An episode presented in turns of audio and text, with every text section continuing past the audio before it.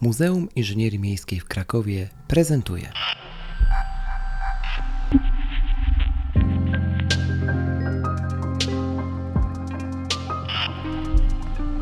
Mimcast. Miasto i my.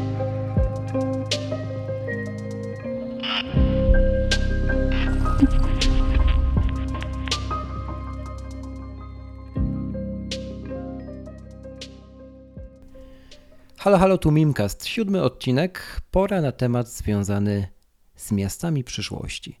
Dzisiaj będzie troszeczkę o w tematyce sci-fi, troszkę o Hollywoodzie, em, ale też przyziemnych tematach, czyli tym, jak właściwie powinniśmy podchodzić do no właśnie, do miast przyszłości, do tego, jak te miasta będą wyglądać, jak chcielibyśmy, żeby wyglądali, wyglądały.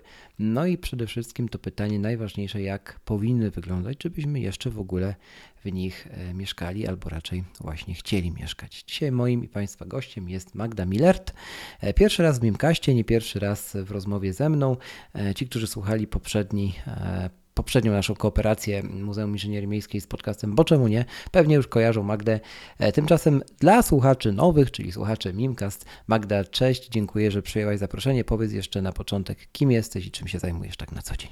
Cześć. Mm, Jestem e, architektem, urbanistą i mm, tłumaczę, jak się robi miasta. E, Generalnie To jest piękne zdanie. tak, e, próbuję, próbuję przełożyć to, jak, jak te miasta wyglądają i Mhm. e, czemu służą i dlaczego to jest dla nas ważne. Tłumaczysz, jak się robi miasta, Mm, to tak zacznę może mm, przewrotnie od takiego pytania, jakie jest Twoje wymarzone miasto? Takie miasto ze snów. E, Wiem, że mogłabyś pewnie godzinami, ale tak powiedzmy pięć jego kluczowych cech. O, mogą być trzy też, ale myślę, że pięć wymienisz. Okej. E, To jest ciekawe pytanie, bo zazwyczaj dostaję pytanie, jakie jest Mhm. moje ulubione miasto. E, Ale tak, jakby cechy jest- są zdecydowanie lepsze niż, niż wybieranie konkretnego miasta.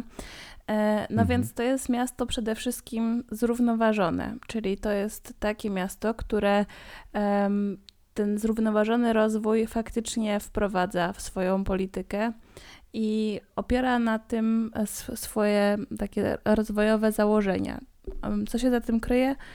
To to, że mm, przede wszystkim jakby traktuje tą przyszłość swoją jako taki zasób, który, o którym trzeba myśleć. Czyli nie czerpie garściami Mhm. z tego, co jest teraz i wykorzystuje wszystko, tylko myśli o tych przyszłych pokoleniach i myśli o Mhm. tym, jak e, za x lat będzie ta, to, ta ich przestrzeń e, w miast wyglądała. E, I myślę, że A myśl, jest... myślisz też, Mhm. przepraszam, że ci wchodzę w Mhm. słowo, ale muszę te, w tym momencie, ty myślisz też o przyszłych pokoleniach, a myślisz też o sobie za na przykład, nie wiem, 30 lat, 20 lat? Dokładnie tak. Jak w tobie Tak, się wtedy tak, będzie tak. żyło? Też, okej. Mhm. Właśnie tutaj chciałam powiedzieć, e, że to hasło w zasadzie jest takim parasolem Mhm. do tych innych haseł, o których bym też e, chciała powiedzieć, Mhm. bo to Proszę. jest też właśnie takie miasto, które myśli o nas jako o społeczeństwie, które się starzeje i jak sobie popatrzymy na tą piramidę Mhm. wieku, jak to się bardzo przesuwa i jak ten nasz wyż e, gdzieś tam później będzie musiał funkcjonować w tej przestrzeni i okaże się, że no jednak to jest tak, że niestety mamy te przestrzenie nieprzystosowane dla, dla osób starszych. To, to właśnie mm, to zrównoważenie nam się to jakby też to obejmuje, prawda? I gdzieś e, się te, te cechy mm, takiego uniwersalnego projektowania zawiera. E, To raz. Po drugie, to na pewno miasto inkluzywne, czyli takie, które Mhm. jakby włącza wszystkie grupy użytkowników i nie jest projektowane tylko na przykład pod y, kierowców, ale też Mhm. na przykład pod matki z dziećmi, które gdzieś tam idą sobie z wózkiem i e, napotykają e, nierówną kostkę bauma albo jakieś wysokie krawężniki. Mhm. Mm, To też te osoby starsze, osoby z jakąś tam e, stopniem nie- niepełnosprawności albo na przykład z ograniczeniami ruchu. Wystarczy, że sobie złamiesz nogę i już wiesz, jak bardzo Mhm. ciężko poruszać To się po potwierdzam mieście. akurat. Mhm. Potwierdzasz, tak? Mhm. Tak, miałem, jak miałem złamaną, było e, tragicznie, już pomija, pominąwszy temat starego budownictwa bez windy o, z tak. czterema piętrami, mhm. co też przerabiałem. Mhm. Więc i to będąc osobą młodą i dosyć wysportowaną, więc gdybym miał tych lat plus 10, mhm. to E, szczerze powiedziawszy, nie wiem, no e, jak, jak bym to ogarnął, więc tak. Mhm. A jeśli chodzi o kostki, e, to rozumiem, że to miasto inkluzywne to też miasto dla biegaczy i osób uprawiających sport, gdzie nie ryzykujesz życia przebiegając na przykład ścieżkę rowerową. To tak, też by tak, było miłe. Tak. E, I to też e, przypomniało mi o na przykład hulajnogach, e, teraz coraz bardziej modnych. Tak, tak, tak. I tym, mhm. jak bardzo wiele jest wypadków z tym związanych, bo właśnie mhm. nagle wyskakujący gdzieś krawężnik albo mm, kostka, która nie, nie do końca jest synonimem równości. Mhm. No więc to można by było zaliczyć w sumie do takiej trzeciej cechy, czyli dobrej mobilności miejskiej i tego, jak jest mhm. jakby skomunikowane to miasto i jak jest e, stworzone. Mm, I właśnie, że na przykład, e, nie, nie, wiem, nie, niekoniecznie musimy tym samochodem gdzieś wszędzie dojechać, a na przykład mamy tak zaprojektowane dzielnice, że wszędzie mamy blisko i możemy sobie w ciągu mhm. 20 minut e, z mieszkania dojść do sklepu, szkoły, przedszkola, miejsca pracy albo mm, do mhm. jakiegoś, do komunikacji zbiorowej, a jak mieszkamy na przedmieściach, to mamy jakąś tam kolejkę, która która nas dowozi tak, do, tak. do mhm. centrum. I mm, to chyba też będzie skorelowane tym, z tym od razu ta czwarta cecha, czyli miasto dobrze zarządzane, czyli takie, które e, jeżeli jakby rozwija się, no to rozwija się w e, określonym kierunku nadanym przez urzędników i planistów e, i też pokazuje w tym mm, swoim rozwoju, że jakby myśli się strategicznie, czyli na przykład, jeżeli postanawiamy, że ok, pozwalamy rozlewać się miastu, powstają te domki pod miastem, sub, suburbanizacja, mm, mhm. nawet w takiej jakby najgorszej polityce łanowej, czyli takie szeregówki w polu gdzieś tam, to e, no tak. zapewniamy mhm. tym ludziom e, dobry dojazd e, właśnie czy tam komunikacją miejską, czy kolejką, czy no, po prostu planujemy ten transport i planujemy też inne mhm. usługi, które tam realnie powstają.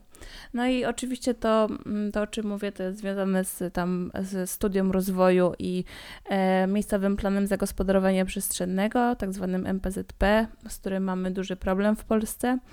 E, I no, to jest chyba taka y, naj, naj, naj, największa bolączka nasza, y, to planowanie przestrzenne, którego nie ma. I takie moje miasto z, z marzeń to jest właśnie takie, które jakby traktuje o tym e, planowaniu przestrzennym. E, to mhm. Takie jeszcze teraz e, rozwijając ten temat e, chociażby komunikacji, bardzo krótko, mhm. natomiast przykład, który przywiozłem z Malty z e, wakacji, mhm. dotyczący transportu właśnie publicznego i autobusów, tam mamy tylko autobusy.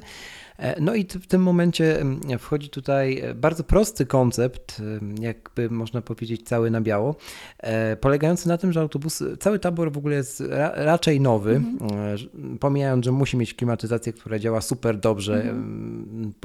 Żeby chłodzić, e, to też kwestia pandemii czy, czy przeciwdziałania mm, e, na przykład prze przepełnieniu w autobusach, mhm. tak, została bardzo prosto rozwiązana i, i, właściwie w Polsce nie wiem czemu, ale może, może się mylę, może jest jakieś miasto, które to stosuje, ale szczerze wątpię. Rozwiązane w taki sposób, że kierowcy wpuszczają systemem, systemem kontroli e, przejazdów, mhm. tak, innym niż, niż ten nasz, czyli kierowcy wpuszczają przednimi drzwiami, gdzie jest, e, trzeba się odbić kartę, kartę miejską, więc kierowca jest automatycznie kontrolerem, e, który, który ma potwierdzone lub nie, że, że możesz jechać, bo, bo masz na to jakby karny przejazd, cokolwiek na tej karcie, a e, pasażerowie wychodzący są wypuszczani drzwiami środkowymi, tylnych drzwi nie ma. No i to też ładnie porządkuje strukturę ludzi na przystankach chociażby, mm -hmm. gdzie, mm -hmm. gdzie jest, mamy ogromny problem u nas. Po prostu wszyscy się, e, wiadomo, chcą być pierwsi, tak, tak. mówiąc kulturalnie jak najlepiej jak, najlepiej jak potrafię. E, no tam tego problemu nie ma, no bo jeżeli się ustawisz w złej kolejce, to to jest bez sensu, bo albo nie wsiądziesz, albo zablokujesz możliwość osobie, która wysiada, a i tak nie wsiądziesz tymi samymi drzwiami, mm. więc to nie ma sensu. Mm. Więc nikt tak nie robi. I to jest tak proste, mm. nie? a, a jednak tak dalekie. No. Mm, no, myślę, że jakby w systemie jakby tramwajowym byłoby to trudniejsze. Tak, to prawda pewnie nie niewykonalne, ale jakoś tam trudniejsze. Mhm. Natomiast no, ja się spotkałam z tym na Śląsku, mm, jak tam studiowałam. O. To tak właśnie było mhm. i pamiętam, że, że się tak właśnie wsiadało. Nie wiem jak jest teraz, bo już e, dawno tam nie jechałam jakimś autobusem, ale pamiętam, że tak było. No i Zakładam, że w, może w jakimś mhm. innym mieście w Polsce też tak jest, ale no nie, jakby nie robiłam zestawienia no e, wchodzenia do autobusu w Polsce. A tematy miejskie coraz bardziej popularne, na pewno ktoś zrobił. Tak. E, a jak nie, to mam, po, porzucamy wam pomysł e, możecie, na, możecie skomentować. Na jako, jakąś pracę naukową. tak. Możecie, możecie skomentować i dać znać. Na Facebooku, tak jest. tak jest. No. Tak jest. Może się znajdzie, tak jak ostatnio mapka rowerowa Filipa się znalazła mm. z Nikon, to może ktoś zrobił zestawienie drzwi w autobusach. Wracając do twojego wymarzonego miasta, bo chyba jeszcze chciałaś kontynuować to wymienianie cech. E, tak, w zasadzie, mhm.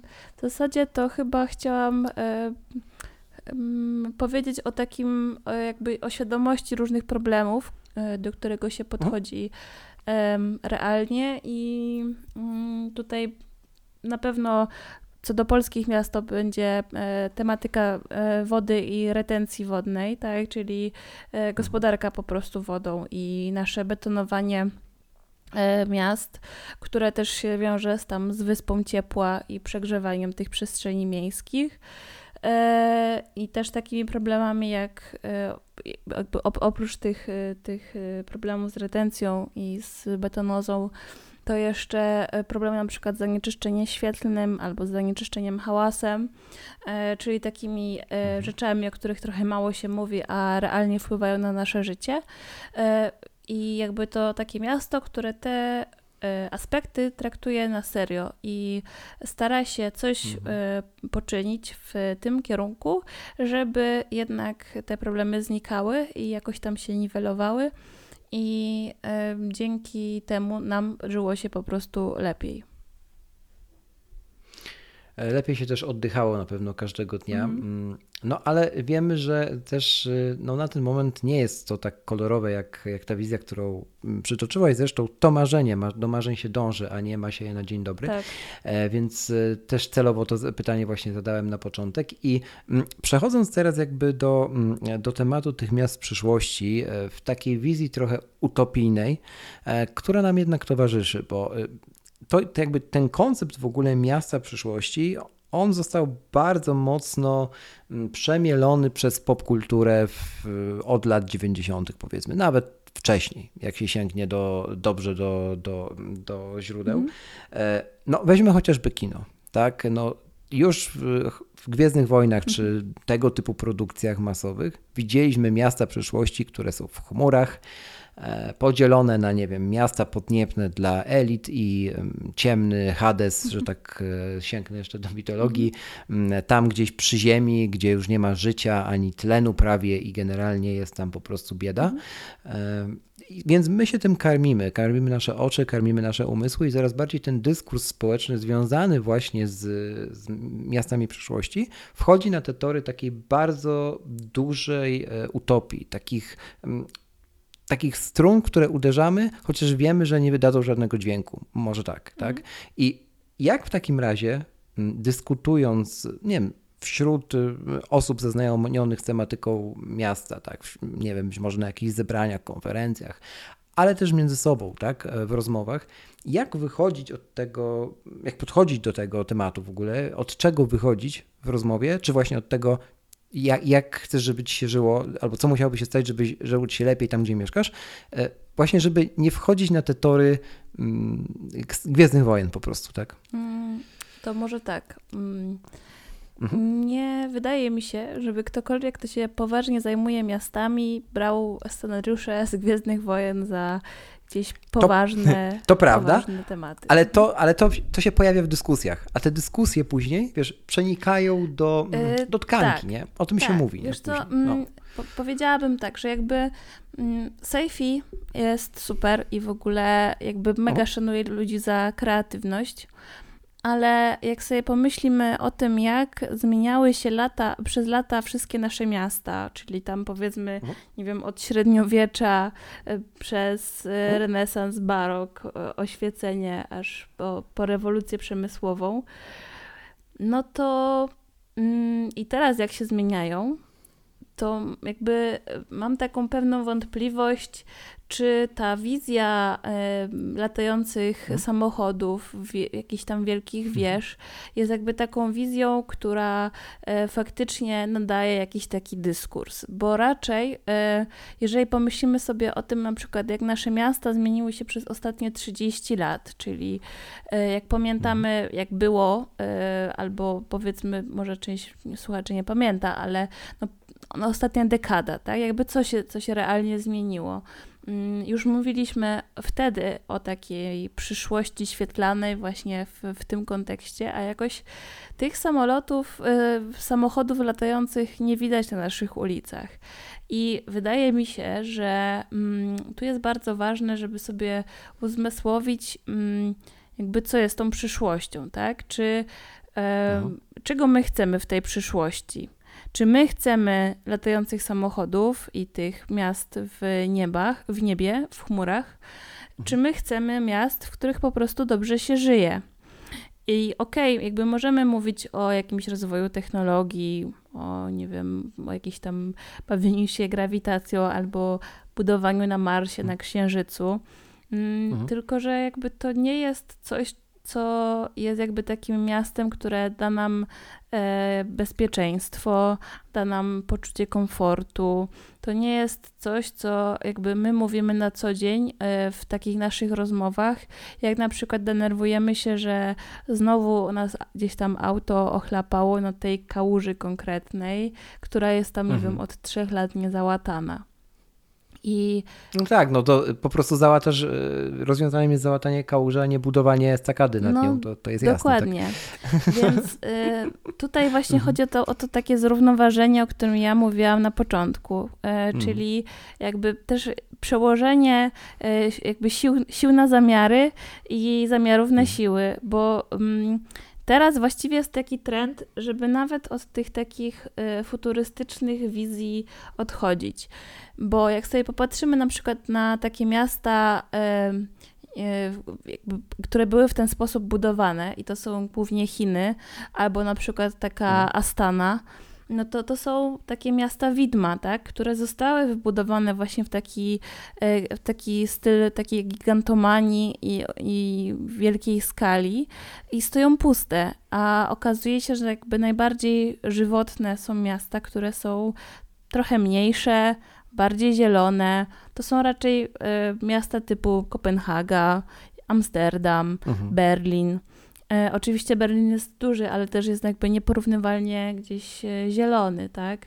E, u nas jest to ciążenie ku Warszawie, ale no powiedzmy, że to też wynika bardziej z takich społeczno-ekonomicznych przyczyn. Natomiast no mhm.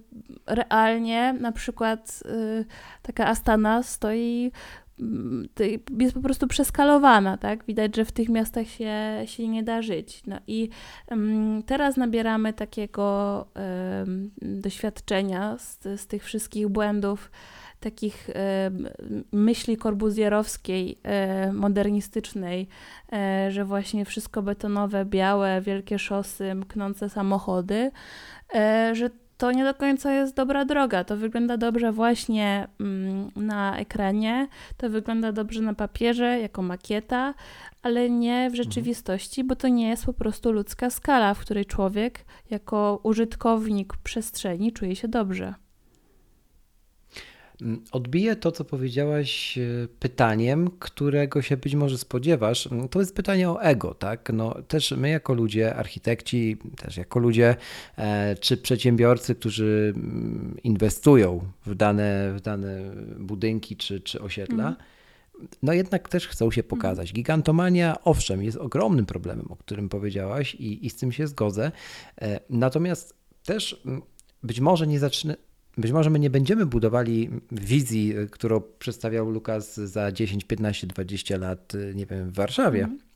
ale już na przykład wizję, którą prezentuje, czy prezentowało kilka lat temu i zamierza nadal zrealizować Google, tak, gdzie kampus ma, ma być właśnie e, drapaczem powiedzmy chmur, e, gdzieś tam na poziomie dziesiątego piętra posiadającym dżunglę, no raczej pewnie prędzej czy później wybudujemy i będą takie twory, potwory, czy nie mniejsze lub większe powstawać w kręgach miejskich, e, właśnie też z powodu ego. No bo chcemy się pokazać, chcemy pokazać, że zaginamy tą grawitację, bawimy się nią, tak jak powiedziałaś. No i teraz e, rodzi się pytanie o granice, mm, bo człowiek też bardzo łatwo sobie redefiniuje e, to, gdzie jemu się dobrze żyje. On, my, my jesteśmy jacyś, jakoś tak skonstruowani, że my sobie bardzo łatwo jesteśmy w stanie przełożyć, zmienić te, te definicje tam z dekady na dekadę, tak? Bo w jednej dekadzie będziemy wznosić coraz większe te budowle i mówić, że tam, tam jest super, to jest w ogóle nasze upragnione, e, że tam powiem, urbanistyczne niebo.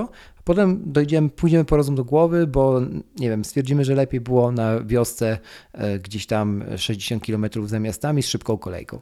E, no i właśnie skala tych inwestycji jest na tyle duża i mm, jakby skutki ich są na tyle duże, sięgające ogromnych, ogromnie wielu sfer życia ludzkiego, mm, że zastanawiam się, jak taka osoba, która na przykład decyduje, czy grupa osób, mm, czy tu potrzeba nauki, czy tu potrzeba wykształcenia, czy, czy, czy jakiegoś schematu, algorytmu, żeby podjąć tę decyzję dobrze, nie? żeby nie przesadzić. Bo to też nie jest sztuka pokazać się i dopuścić inwestycje, nie wiem, najdroższy budynek świata, wybudować najbardziej zielony budynek świata, e, skoro wiemy, jak to się może skończyć i rzutować na inne wokół niego, nie? Mhm. Tak sobie myślę o tym głośno.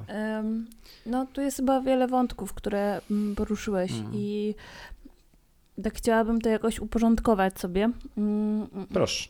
Hmm? To tak, po pierwsze, pytając o ego, no to w zasadzie, no, jest tak, że gdzieś tam to ego robi różnicę i to jak mhm. kiedyś y, mm, projektowaliśmy, a jak projektujemy teraz i właśnie z jakby z czego to, czy, czy to wynika z tego ego, poniekąd tak, mhm. bo ten modernizm trochę, mm, ten późny modernizm właściwie, to przyniósł nam taki, taki rozmach, ale też musimy myśleć o tym, jakby w jakich warunkach to powstaje, tak? Czyli te mhm. nasze takie sztandarowe właśnie e, inwestycje y, pokazujące wielkie ego nie wynikają przypadkiem z tego, że na przykład e, weszliśmy w wolny rynek i mieliśmy dotacje unijne, tak? Że jakby był, był hajs, więc się po prostu budowało, nie do końca się mhm. zastanawiało, e, czy to ma sens, czy to ma ręce i nogi. Mm, wydaje mi się, że dobrym przykładem ego są na przykład y, igrzyska, które były w Rosji, które właśnie na tym polegały, żeby pokazać wszystkim takie prężenie muskułów.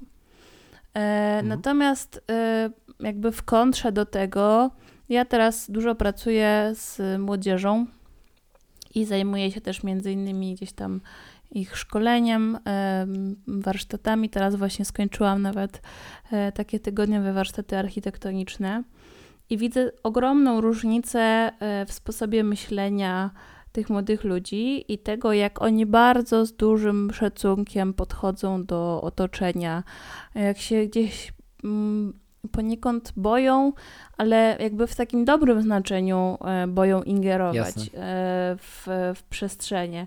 Oni naprawdę 10 razy, e, jeżeli nawet mają jakieś, powiedzmy, rozwiązanie czy tam pomysł na jakąś tam rzecz, to oni powiedzą, że jakby 10 scenariuszy, jak to może gdzieś tam dalej wpłynąć.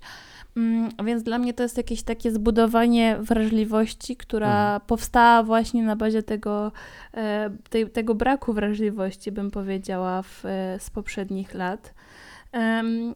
I mm, jakby klamrą wspinając, y, to, to bym chciała powiedzieć chyba, że trudno jest tak jakby ocenić czy to właściwie to ego jest dobre, czy też jest złe. No, jak pomyślisz sobie o tym, że nie, wiele krajów na przykład się odbudowywało po wojnie, po jakichś wielkich zniszczeniach, I faktycznie no i będzie, tak? trzeba było jakby takiej terapii szokowej, tak? Trzeba było to zrobić. Hmm. E, ktoś musiał podjąć decyzję, że to będzie stało tak, a to będzie stało inaczej. Tylko, że jakby no teraz już mamy trochę inną rzeczywistość, nie? I to się, to się nie jakoś tam zmienia. Ale jeszcze tak sobie myślę o tym też, że... Mm, no jednak jakby nie patrzeć, no to my mamy tą e, taką tendencję do takiej sinusoidy, prawda, w e, dziejach historycznych. Tam, nie wiem, e, gotyk, zwrot, jakby wertykalizm, zwrot ku Bogu, potem e, renesans, humanizm, wszystko co ludzkie i tak dalej, nie? Jakby mm, i to tak szło tymi falami. E, było, mm, było na przykład e, oświecenie, które e, bardzo miało takie odważne założenia. Barok też miał zresztą takie wielkie skale, mhm. osie widokowe i, tak, i, i tego typu rzeczy. A potem przeszła secesja, naturalizm, odwrót do tej natury. Więc no, po prostu my się nudzimy gdzieś w pewnym momencie, w jakimś, w jakimś tam swoim trendzie i, i następuje mhm. zmiana. I teraz po prostu to następuje trochę szybciej bo też mamy o wiele bardziej ten świat dynamiczny, bardziej złożony, e, inaczej to się wszystko gdzieś tam kształtuje. Plus jest jeszcze taka sprawa, że jakby m, mm, pytanie o jakich miastach mówimy, no bo m, mm, tak jak już wspominałam, na przykład Chiny, które e, stawiały sobie PKB jako główny e, wyznacznik i właśnie mhm. tam budowlanka, nawet jeżeli nikomu nie ma w tej chwili służyć, a może będzie służyć za, nie wiem, 10 lat, bo mają jakieś plany przesiedlenia, no to to jest jakby niewspółmierne do tego, co się dzieje u nas i jakby na naszą skalę. Już nie mówiąc na przykład o zachodzie Europy, który jeszcze jest tam bardziej zrównoważony w tym wszystkim.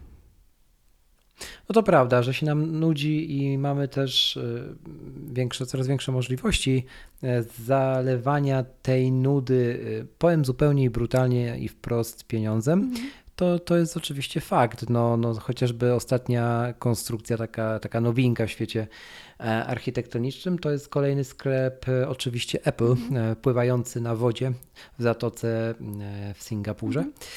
E, zaprojektowany przez ileś dziesiąt lat, e, bo e, tam bardzo mocno architekci analizowali, jak światło ma padać na roślinki, które będą w środku, żeby zacienienie było odpowiednie. No jakby i tego typu tworów będzie, będą, tak? One, mhm. kolejne marki będą miały kolejne reprezentatywne swoje sklepy i tego oczywiście nie zmienimy. Przy czym to nie wpływa gdzieś tam bezpośrednio na, przynajmniej w mojej ocenie, tak? Na to, czy jak wyjdę po prostu z, ze swojego, nie wiem, bloku, mieszkania, domu, no to poczuję się przytłoczony betonem, czy, czy jakbym żył w betonowym getcie, czy, czy nie. Przynajmniej nie w skali makro. E, te betonowe getta ty wywołałaś na początku i mm, tak sobie jeszcze myślę, bo owszem, my możemy fantazjować o przyszłości, czy zastanawiać się, jak ją zaprojektujemy, ale bardzo często ta, mm, ta przyszłość e, faktyczna, taka jaka ona nadchodzi za 5, 10 czy 15 lat, to jest wynik tego, jak my kształtujemy teraźniejszość, oczywiście jednocześnie przerabiając już to, co jest. Czyli mówię na przykład o, nie wiem, elewacjach e, bloków, tak, na blokowiskach, mhm. gdzie stoi, stoi stare blokowisko, tego nie zburzysz, nie postawisz nowego, bo jeszcze nikt na tyle szalony raczej nie jest. Chociaż tak wiem, że w niektórych rejonach świata już się tak, tak. robiło, ale zostajemy przy Polsce. Mhm. No i docieplisz na przykład tego 11-piętrowca z wielkiej płyty. Nie? I możesz go docieplić oczywiście na kilka sposobów i pomalować też na kilka sposobów, bo kwiatków, które przypominają bardziej rąby, e, bo taka była wizja nie wiem kogo, e, po na przykład zostawienie szarego e, całego bloku tak jak szary był wcześniej i, i nie wiem co ileś 10 metrów postawienie jednej wielkiej kropki pomarańczowej, co na przykład obecnie ma mie miejsce na, na osiedlu Piastów. Więc no, różnie można do sprawy podejść. Pytanie, czy jest grupa ludzi, nie wiem, krąg ludzi, może jakiś zawód, o którym nie wiem, który próbuje to normalizować. Nie wiem, bierze tych wszystkich ludzi, mówi: Słuchajcie, co chcecie docieplić, zmienić w tym roku na danym osiedlu, to my Wam pomożemy, nie? Jakby zrobić to z głową. Czy to jeszcze w ogóle jest jakaś też mrzonka, o której ludzie marzą? E, no, jest przede wszystkim zawód miejskiego architekta, który takimi rzeczami się zajmuje, mhm. a przynajmniej powinien e, zajmować. Mhm. Ale mm, to jest raczej problem ogólnej naszej estetyki, poczucia estetyki e, i tego, mhm. jak e, chcemy to zmieniać i, i jakby z czego to też wynika, bo wiele tych projektów e, nie wynika z tego, że ktoś chciał mieć różowo-zielone trójkąty mhm. czy tam rąby, mm, mhm. tylko wynika z tego, że pomyślał sobie, że a może tak, nie? I jakby nie pomyślał, że można to zrobić inaczej. To jest jakieś takie okay. bardzo ograniczające w tym e, w wiedzy. No, y, zakładam, że nie ma w każdej wspólnocie mieszkaniowej architekta, który na spotkaniu powie, że y, ludzie, ludzie, kochani, co wy robicie? E, Zakręci wąsem i powie, to zrobimy inaczej. Tak, tak. No.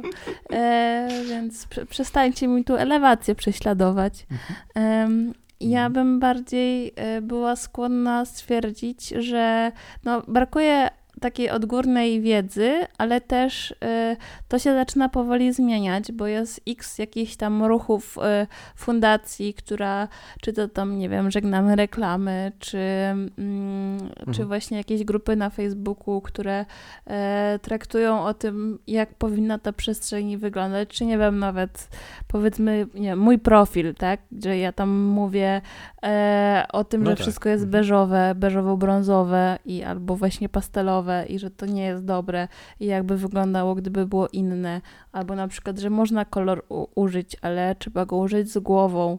Mm, no to jakby to jest taki, takie budowanie takiej świadomości e, społecznej, która potem gdzieś realnie ma oddźwięk e, w przestrzeni. No bo trudno też się spodziewać, że mm, jeden człowiek pod tytułem właśnie czy konserwator zabytków, czy miejski architekt, mhm. jakby mhm. wszystko zrobi. Mm, szczególnie na przykład w takim dużym mieście, jak, jakim jest Kraków, e, no mhm. bo jakby x ludzi też gdzieś tam sobie średnio legalnie pomaluje, ale właśnie budując takie, taką, jakby robiąc taką pracę, pracę u podstaw, budując sobie kapitał y, wiedzy y, w ludziach, no to tutaj wyczuwam mm, zmianę i możliwość tej zmiany właśnie w propagowaniu takich dobrych pomysłów i pokazywaniu, że można robić coś inaczej. E, zostawiając na chwilę temat przyszłości i miasta w rozumieniu tym podstawowym, przejdę do tematu e, smart miasta, tudzież smart city, bardziej mm -hmm. pewnie znany z anglicyzmu. Tak dla Jana Kowalskiego, bo mówisz o tym sporo i pisałaś już też całkiem dużo, gdybyś miała zdefiniować lub jak jesteś o to pytana i przeproszona tak jak teraz, to co według Ciebie jest tym miastem inteligentnym, miastem smart? To jest jakaś utopia, mrzonka, koncept, rzeczywistość, czy po prostu pewien trend? Mhm. No to jest taki trend w tworzeniu rozwiązań miejskich, który teraz ma już swoją trzecią generację. E, I mhm. tak jak on się rozwijał, tak te generacje właśnie występowały. I pierwsza generacja to było taki główny nacisk na jakby technologię, samą dla technologii. E, drugi, druga generacja to była technologia w służbie raczej urzędu, bardziej gdzieś tam powiedzmy, że tak, tak jak nie wiem, na początku się nieśmiało chodzi w parze za rękę, to powiedzmy coś w tym stylu. Była taka, taka okay. relacja urząd, e, smart city, technologia. Mhm. Natomiast teraz tej trzeciej generacji, mm, no to e, z definicji jest tak, że ta technologia ma służyć człowiekowi. I dokładnie tak jest, że to Smart City powinno wyglądać tak, że to jest miasto zarządzane nowymi technologiami. I to są wszystkie te rzeczy, które nam technologicznie e, poprawią e, funkcjonowanie w mieście. I na przykład to są aplikacje, które pokażą, e, jak się tam gdzieś dojechać, czym czy się da na przykład komunikacją zbiorową, jako, jaką linią albo mhm. samochodem. Czyli to już mamy. Mhm, tak, tak, tak, odznaczone. Tak, tak. Mhm. mhm. to mamy. E, no i to jest, e, nie wiem, na przykład możliwość udziału w budżecie obywatelskim przez stronę e, internetową. Mhm. To jest jakieś tam monitorowanie na przykład swoich rachunków e, przez jakiś tam swój portal. To jest jakieś forum e, ludzi w mieście. No i też jakby zarządzanie elektronicznymi dokumentami e, w mieście, mhm. gdzieś tam przepływ tych dokumentów między e, poszczególnymi wydziałami, urzędami. Zabijanie tej mhm. silosowości, czyli brak przepływu między jednym wydziałem a drugim jakichś tam informacji i treści. No i to są te wszystkie rzeczy, które tak właśnie pomalutku e, wchodzą. Przy czym mm, ważne jest, żeby powiedzieć, że jakby nie ma czegoś takiego jak mm, jakby skończony Smart City. jakby poziom mhm. tego Smart City mierzy się w poziomach dojrzałości e, miasta i to jest zawsze jakoś tam rozwojowe, no bo prawda, tak jak my e, się rozwijamy technologicznie, mamy coraz nowsze telefony, coraz nowsze komputery, e, czy nawet mhm. zegarki mhm. i pewnie większość jakichś tam innych jeszcze rzeczy technicznych. E, tak też e, budują się nowe gdzieś tam rozwiązania wokół tworzenia miasta.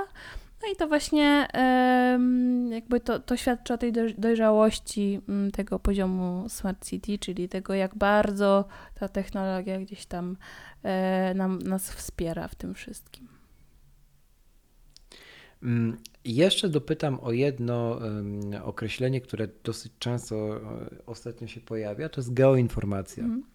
W rozumieniu takim też e, być może błędnym, być może nie. E, czyli co miasta o nas mówią. Mm, o co tutaj chodzi i też rozszerzając te, to, co powiedziałem, mm, czy jakby dane, które my jako obywatele generujemy, jako mieszkańcy miast, generujemy codziennie. To, to są mm, więcej niż e, hektabajty danych. Mm, czy ich obróbka, tak? Mówi się bardzo dużo teraz o, o obróbkach danych, wszelkiego rodzaju e, kontekstach informatycznych. Mm, czy to też jest ten pewien rdzeń, wspólny mianownik, e, kierunek może wyciągania lekcji z nas samych, z tego jak my żyjemy, jakie mamy trendy, nawyki, może przyzwyczajenia, do tego, żeby właśnie kształtować ten krajobraz na podstawie suchych faktów też, które, które można przecież kolekcjonować czy zbierać. E, czy może, czy może raczej nie upatrujesz w tym jakiejś szansy takiej dużej w najbliższych latach? Nie, no przecież mówi się o tym, że jakby dane to jest y, jakby druga rewolucja przemysłowa, tak, że jakby to jest taki kapitał, którego mm. E, jakby w ogóle nie, nieodwracalny jakby trend.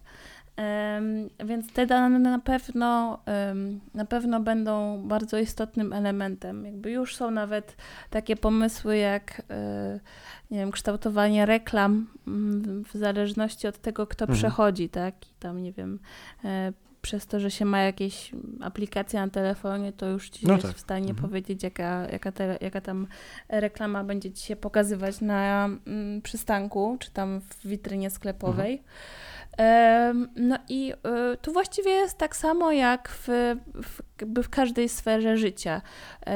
Miasto się po prostu trochę dłużej kształtuje niż nasza codzienna codzienność e, te jakby sprzęty, na przykład elektryczne, które najpierw się pojawiły w naszych kieszeniach, w naszych domach, to potem mhm. sobie przeszły do miasta, więc tak samo jest y, w tym trendzie z danymi, tak, że jakby y, w, w mieście zawsze troszkę później y, następują te same zjawiska, które wy, występują społecznie.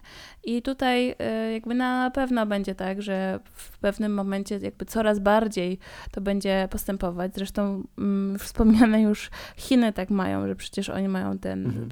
system punktów, który mówi o tym, czy na przykład, nie wiem, można opuścić swoje miasto albo pojechać na wakacje, albo e, czy możesz gdzieś tam mhm. mieszkać. E, tylko bazując tylko na tym, mm, jakby jakim jesteś obywatelem, i to są po prostu zebrane dane.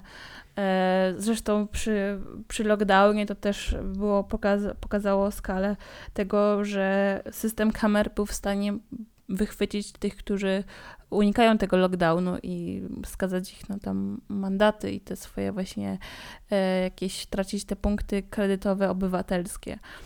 E, więc... Te punkty, też, e, te punkty też były przecież inspiracją do, mm, do Czarnego Lustra, do wielu odcinków, tak. zwłaszcza do, do jednego, już nie pamiętam z którego sezonu. E, tylko oczywiście odwrócone w krzywe, włożone gdzieś tam w krzywe zwierciadło mediów społecznościowych, mm. no ale jakby geneza tego jest właśnie taka. I, tak, i, ale jakby leży, ja znam, leży w Chinach. znam e, jakby ludzi, którzy mówią, że e, wszystko, co, się, co jest w Black Mirror, to de facto już istnieje, tylko o tym się głośno nie mówi. Mhm. E, więc no, nie zdziwiłabym się, gdyby tak było. Mm, na jakby poziomie, mhm. Poziomie obecnej, obecnego poziomu IT. E, mhm. No więc. Ja tak, znowu, no. ja znowu, jeszcze, jeszcze kontynuując, e, poznałem ostatnio takie stwierdzenie i też tych, tych osób jest sporo, że wszystko, co widzimy właśnie w takim kinie, kinie akcji, tak? Tylko nie mówię o szklanej pułapce, mhm. tylko jakby w nowoczesnych serialach e, typu kry, kryminalne lub e, thrillery jakieś, tak, które powstają. Czyli nie wiem, napad na siedzibę CIA, czy tam wykrad, wy, wyciek tajnych danych e, z bunkru pod Białym Domem albo nie wiem gdzie, tak? O obywatelach celem rozpętania III wojny światowej. Taki serial akurat ostatnio mi się przewinął mm, przed oczyma na Netflixie też. Y, y, to właśnie to, że ludzie myślą, że to jest fikcja, tak, że oglądają tylko serial, to jest tylko scenariusz, też y, jest taka teoria, że też że to jest najskuteczniejsza broń, bo i tak nikt w to nie uwierzy, skoro widzi to wszędzie w filmach i serialach, tak? Więc mhm. spokojnie jest teoria, że to już istnieje i będzie istniało, bo i tak nikt w to nie wierzy, bo każdy myśli, że to jest fikcja, fikcja literacka czy tam fikcja mm, filmowa. Wiesz co, ja y, chyba y, mogę się tak bezpośrednio do tego odwołać z naszego podwórka y, rzeczy. Proszę. Mm. To, co się wydarzyło na przykład przed wyborami, albo ostatnie mm. protesty w sprawach LGBT, Mm, to pokazało bardzo mocno mi osobiście, jak bardzo różne są y, scenariusze życia w zależności od tego, w jakich bańkach jesteś. Bo ja na przykład miałam tak, że autentycznie, y, no nie wiem, z dwa tygodnie temu miałam bardzo duże obawy, żeby odpalać w ogóle jakikolwiek portal społecznościowy. Bo ja miałam taki mhm, przesyt tych informacji, E, mhm.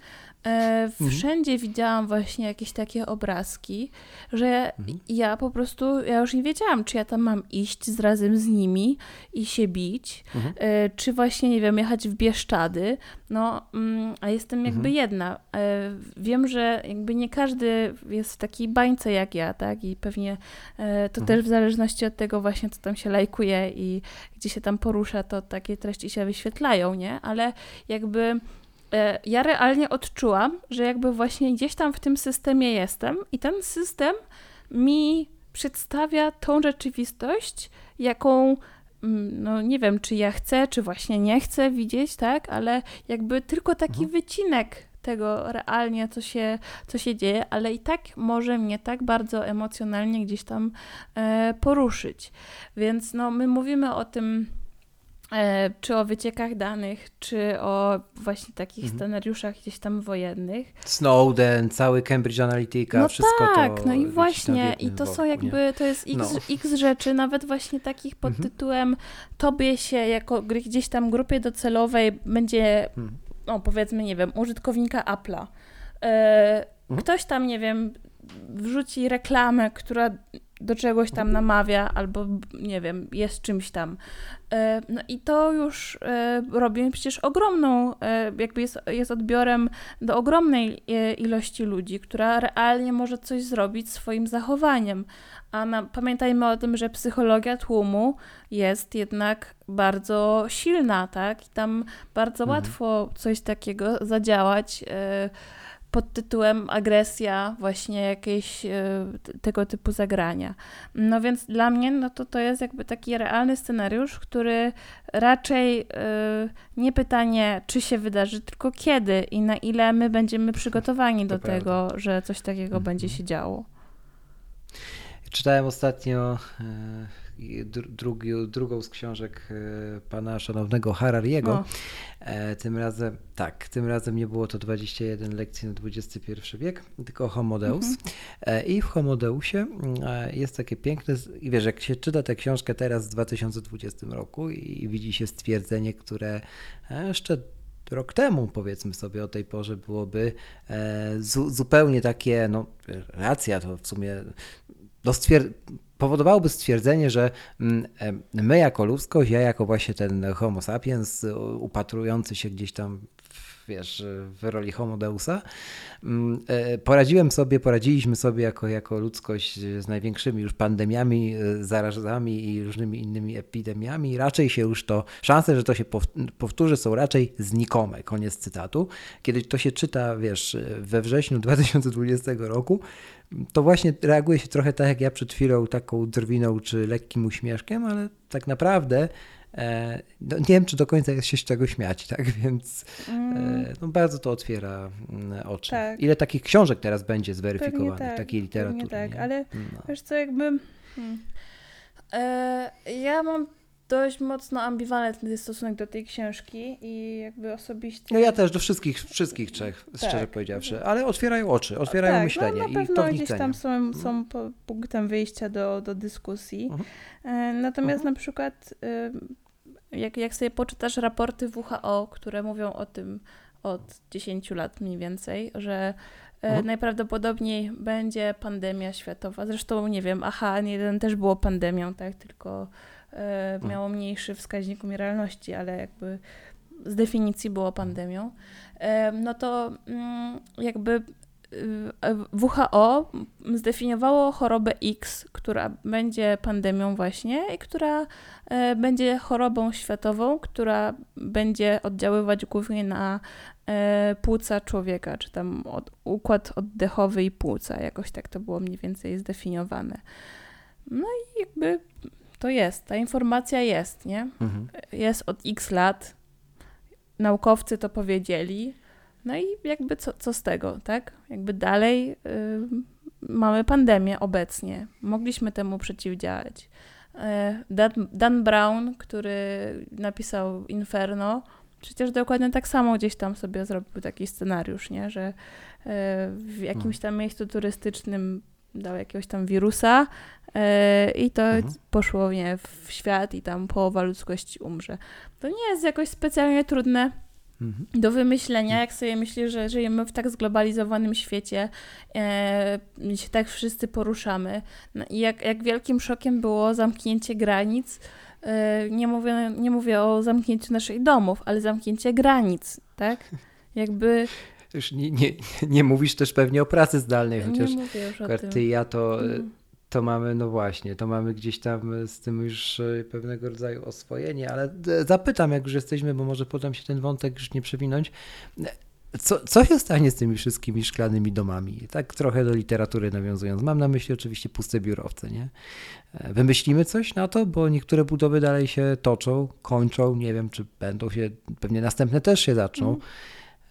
Filmy nabierają, wiesz, wody w usta. Mm. No Niektóre to, zupełnie porzucają biura. Jest to, jest to dobre pytanie, bo pytanie jakby, e, czy na pewno będzie tak, że one po, mm. zostaną puste, to jest jakby równoznaczne mm. pytanie, co będzie z tymi wszystkimi, którzy e, teraz e, kupili te domy e, pod miastem, żeby sobie tam pracować. E, bo, mm, okay. bo jest taka w ogóle mhm. hopka nie? W, w ogródkach działkowych i w domkach e, w czasie COVID-u właśnie. E, no bo czy my realnie myślimy, że ten COVID będzie trwał 10 lat i tak będzie w, mhm. ta rzeczywistość wyglądała, skoro na przykład już nam działają knajpy, nie wiem, mhm. chodzenie na msze jest dozwolone, to mm, mhm. jakby no pewnie jakby miejsca takie jak y, biurowce y, będą mhm. znajdą jakieś sposoby na to, żeby nie wiem, na przykład ozonować codziennie pewnie tak. w nocy te mhm. przestrzenie. Jest, jak jest to jakieś ale, zagrożenie? Ale na, no, na pewno ten... No? Tak, na pewno ten trend też taki, że niektóre sektory rynku, ja nie mówię, że wszystkie, mhm. nie, ale niektóre, niektóre z, z nich no mogą zdecydować na, na postawienie raczej powiedzmy, nie wiem, 60 do 40, tak, mhm. na, na, na pracę zdalnie. Mhm. E, te, oczywiście te 40, tam 30 nadal pozostanie. E, no tylko, że to już nie będzie ta skala, nie, no nie wiem, powiedzmy z, z trzech pięter, które były potrzebne, może zostać na przykład jedno, a może wystarczy tylko miejsce w kołorku, mhm. nie?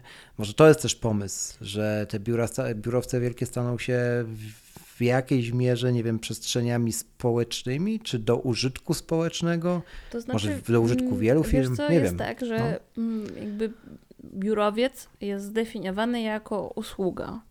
Mm, okay. Jest to jakaś tam przestrzeń najmu, którą najemca podpisuje umowę na 5 lat, na 10 mhm. lat i wcześniej to raczej jest ciężko z niej zrezygnować, no bo to są zazwyczaj wielkie korporacje, które tam właśnie mają mhm. te swoje, e, swoje umowy i dla nich to nie są jakieś ogromne koszty pokrycia e, no. wynajmu takiej przestrzeni, no i są związane mocno kontraktami.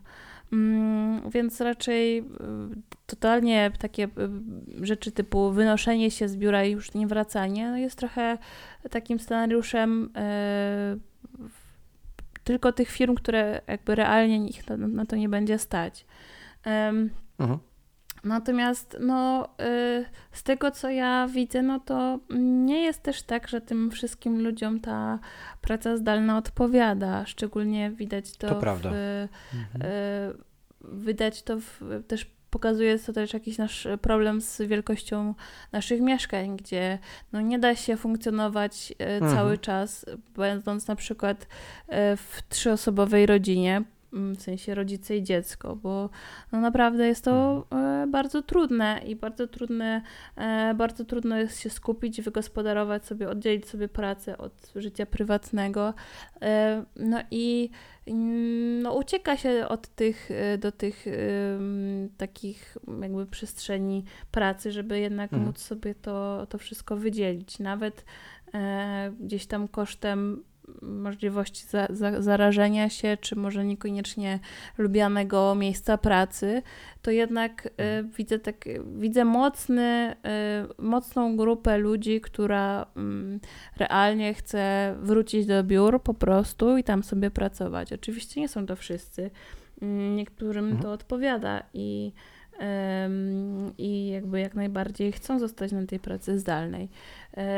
Wydaje mi się, że to jest um, taka rozmowa o przyszłości um, bardzo trudna do zdefiniowania, bo z jednej strony właśnie mhm. mamy trochę takich sztywnych regulacji, um, no nie wiem, biurowca też raczej nie obetniemy z pięter, ale z drugiej strony jakby my też jako ludzie nie znamy, nie, nie lubimy próżni, tak? Więc e, może po hmm. prostu będzie coś, o czym do tej pory nie wiedzieliśmy. Może powstanie coś nowego, może te przestrzenie będą na coś innego w ogóle gdzieś tam użytkowane. No właśnie. Mhm. Tego tak naprawdę nie wiemy i trudno też o tym, o tym wyrokować. Mhm. Bardzo się przyglądać temu. No, mimowolnie nawet, mhm. tak?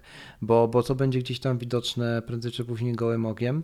Tak na koniec sobie jeszcze myślę, bo ja pytałem cię na początku o, o wizję twojego wymarzonego miasta, mhm. to na, e, na koniec może e, zapytam o to, jak ty rozumiesz jakość życia w tym wymarzonym mieście. Trochę już powiedziałaś, ale gdybyś miała powiedzieć, co na tę jakość według ciebie i dla siebie oczywiście, mhm na, tako, na jakość dobrego życia, e, w rozumieniu oczywiście mieszkańca, tak, mm, się składa. To też mnie ciekawi bardzo. Wiesz co, to jest bardzo wieloaspektowe i to jest mhm. zarówno mm, nasze jakieś takie ogólne poczucie szczęścia, czy my jesteśmy gdzieś tam mhm. zadowoleni z tego, jak nam się żyje, przez takie y, też gdzieś twarde wyznaczniki pod tytułem długość życia, dostęp do um, usług mhm. y, zdrowia, y, gdzieś jakieś tereny zielone, tereny rekreacji, y, nie wiem, poziom frustracji, który gdzieś tam mamy poruszając się po tym mieście. E, więc y, no, ta jakość życia w ogóle mm, też jest bardzo trudna do zdefiniowania i na przykład są takie rankingi miast, w których najlepiej się żyje, tak? I ta jakość, jakość życia jest mhm. najwyższa. No i de facto jest też tak, że co ranking, to on ma tam inną definicję i inne rzeczy sobie tam gdzieś wrzuca. E, czasami jest właśnie, nie wiem, zadowolenie z usług dookoła, a czasami tego nie ma. Czasami na przykład jest dostęp do terenów zielonych, a czasami mhm. na przykład jest to, ale jest gdzieś tam jakąś inną skalą, um, skalą obłożone. Ja raczej postuluję takie podejście pod tytułem, na ile wszystkim w mieście żyje się dobrze nie super, dobrze, bo demokracja też gdzieś tam Mhm. polega na em, kompromisach, tak? Ale em, wydaje mi się, że, że miasto szczęśliwe, czyli takie miasto, w którym dobrze się żyje, mm, to jest miasto, które nie wyklucza i które myśli o wszystkich swoich obywatelach, także w przyszłości i o kolejnych gdzieś tam pokoleniach. I, i myśli, i, i ma jakby taki Mhm. re, realny stosunek do tego, żeby im to zapewnić, tą, tą jakość życia wysoką. No i tego i takich miast sobie myślę życzmy Mhm. e, przyszłości. Dokładnie. E, Bardzo Ci dziękuję Magda za to, że się zgodziłaś e, wziąć udział w tej dyskusji. Myślę, że wartościowej. Dziękuję. Też zachęcamy Was do, do wypowiedzenia się na Facebooku czy w innych mediach, oczywiście Muzeum Inżynierii Miejskiej. Dawajcie znać, e, co o tym sądzicie wszystkim, jakie są też Wasze wizje może takiego miasta, miasta ulubionego, miasta z marzeń. Moim Waszym gościem była Magda Miller. Dzisiaj jeszcze powiedz na koniec Magda, gdzie się można znaleźć. Pewnie podasz jeden adres, ale proszę bardzo, zrób to internecie. E, tak, w internecie można mnie znaleźć jako Paing, najlepiej na Instagramie. Piszecie to jak ciastko, Mhm. czyli pie i ink jak forma ciągła. E, I tam jest najwięcej treści, ale mam też swojego bloga, swojego Facebooka, Patronite'a i e, zachęcam do e, zaglądania do moich mediów. Tak jest i do wspierania również. To był siódmy odcinek Mimcast. Z tej strony żegna się z Krakowa e, Krzych Kołacz i Magda Millert, do zobaczenia.